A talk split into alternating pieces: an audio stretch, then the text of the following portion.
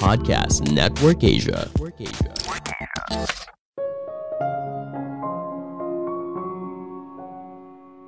Merubah kebiasaan itu tidak mudah.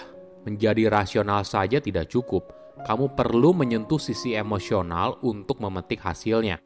Halo semuanya, nama saya Michael. Selamat datang di podcast saya, Sikutu Buku. Kali ini saya akan bahas buku Switch karya Chip Hit. Sebelum kita mulai, buat kalian yang mau support podcast ini agar terus berkarya, caranya gampang banget. Kalian cukup klik follow Dukungan kalian membantu banget supaya kita bisa rutin posting dan bersama-sama belajar di podcast ini. Buku ini membahas bagaimana cara untuk mengubah kebiasaan yang efektif. Tantangan utamanya berasal dari konflik yang ada di dalam pikiran. Otak kita dikuasai oleh dua sistem, rasional dan emosional yang saling berebut untuk mengambil alih. Otak yang rasional ingin punya badan yang six pack, tapi otak yang emosional ingin makan coklat. Otak yang rasional ingin adanya perubahan, tapi otak yang emosional memilih kenyamanan dari rutinitas yang sudah ada. Kesuksesan kita dalam mengubah kebiasaan tergantung pada siapa yang menang, apakah otak yang rasional atau otak yang emosional. Saya merangkumnya menjadi tiga hal penting dari buku ini. Pertama, tips mengubah kebiasaan. Merubah kebiasaan memang tidak mudah, Buat kamu yang pernah berkomitmen untuk berhenti merokok, makan lebih sehat, atau mulai berolahraga, pasti tahu betapa susahnya hal tersebut. Apa yang membuat perubahan begitu sulit? Ada sebuah analogi yang menarik soal perubahan perilaku. Seekor gajah dan pawangnya yang ingin bergerak menuju sebuah jalan tertentu. Gajahnya sangat besar, begitu kuat tapi keras kepala. Gajah ini melambangkan sisi emosional manusia, berusaha untuk mencari kenikmatan jangka pendek daripada manfaat jangka panjang. Si pawang melambangkan sisi rasional manusia, tahu apa yang harus dilakukan dan bisa mengontrol si gajah tapi dalam cakupan yang terbatas. Terakhir adalah sebuah jalan yang melambangkan situasi yang membutuhkan perubahan. Coba bayangkan kamu ingin bangun subuh untuk jalan pagi. Si pawang dalam diri kamu tentunya sudah menganalisa situasi secara rasional dan hal ini adalah hal yang baik buat kamu. Tapi apa yang terjadi saat alarm berbunyi di pagi hari? Si gajah malah memilih untuk tidur lagi, mengalahkan si pawang, dan pada akhirnya kamu tidak jalan pagi di hari itu.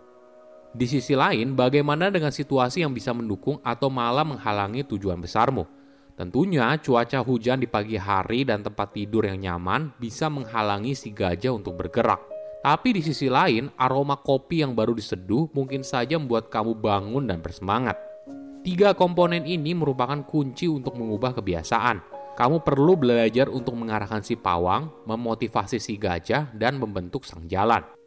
Ketika berhadapan pada situasi yang butuh perubahan, sisi otak kita yang rasional atau si pawang sering kali mengalami decision paralysis. Misalnya, kamu mencoba untuk makan lebih sehat, si pawang lalu akan mulai menganalisa berbagai kemungkinan. Apakah itu makan lebih banyak sayur, mengurangi karbo, mengurangi garam, mengganti minyak yang lebih sehat, dan sebagainya. Salah satu dari setiap perubahan itu tentu saja bermanfaat. Tapi si pawang terlalu banyak melakukan analisa dan akhirnya tidak ada perubahan apa pun. Ini kecenderungan manusia Studi menemukan semakin banyak pilihan yang kita miliki, maka kemampuan kita untuk memutuskan sesuatu justru semakin turun. Akhirnya, kita dianggap sulit berubah. Padahal yang sebenarnya terjadi adalah kurangnya kejelasan. Solusinya adalah memberikan si pawang arahan yang jelas. Misalnya kembali ke kasus tadi soal makan yang lebih sehat. Maka fokusnya adalah menyusun daftar belanja sayur dan lauk. Apa pun yang kamu beli, maka itu yang kamu makan dengan begitu, maka akan lebih mudah bagi si pawang untuk mengikutinya.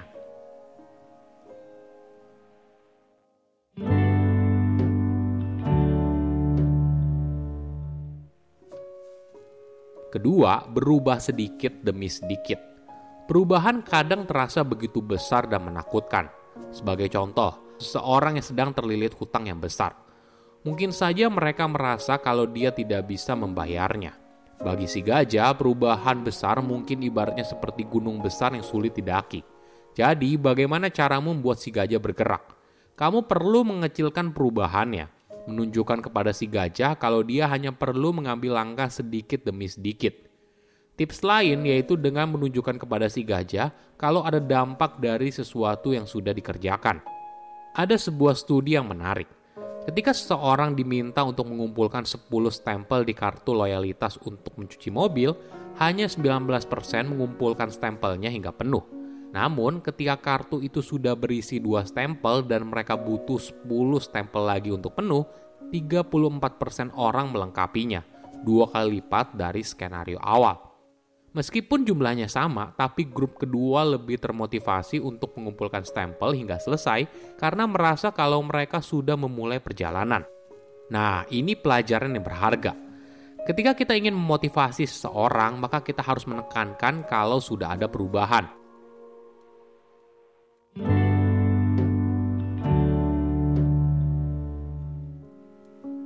Ketiga, manusia cenderung mengikuti kelompok. Secara naluriah, manusia itu mengikuti kelompoknya. Dalam situasi tertentu di mana kita tidak tahu harus bersikap, kita melihat orang lain untuk mencari tahu.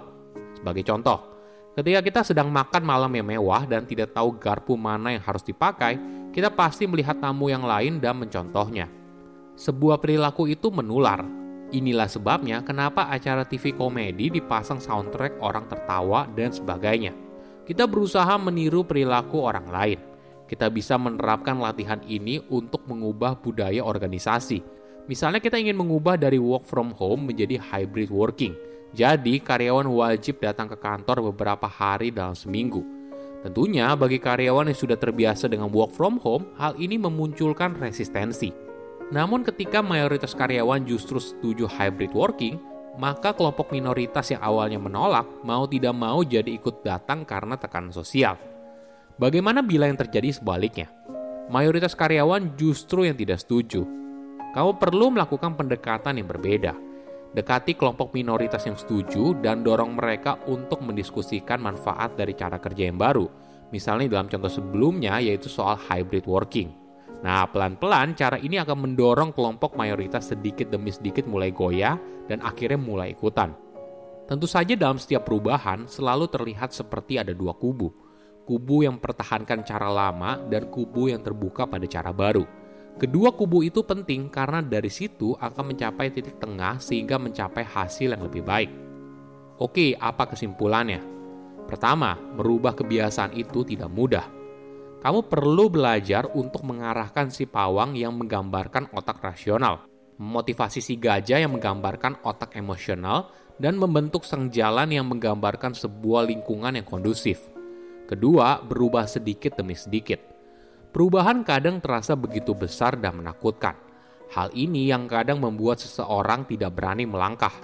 Namun dengan adanya hasil yang terlihat sedikit demi sedikit, maka hal ini akan mendorong si gajah untuk terus melangkah. Ketiga, manusia cenderung mengikuti kelompoknya. Untuk berubah, kita perlu berada pada kelompok yang tepat. Inilah yang pada akhirnya membantu seseorang dalam mencapai tujuan yang diharapkan. Saya undur diri, jangan lupa follow podcast Sikutu Buku. Bye-bye.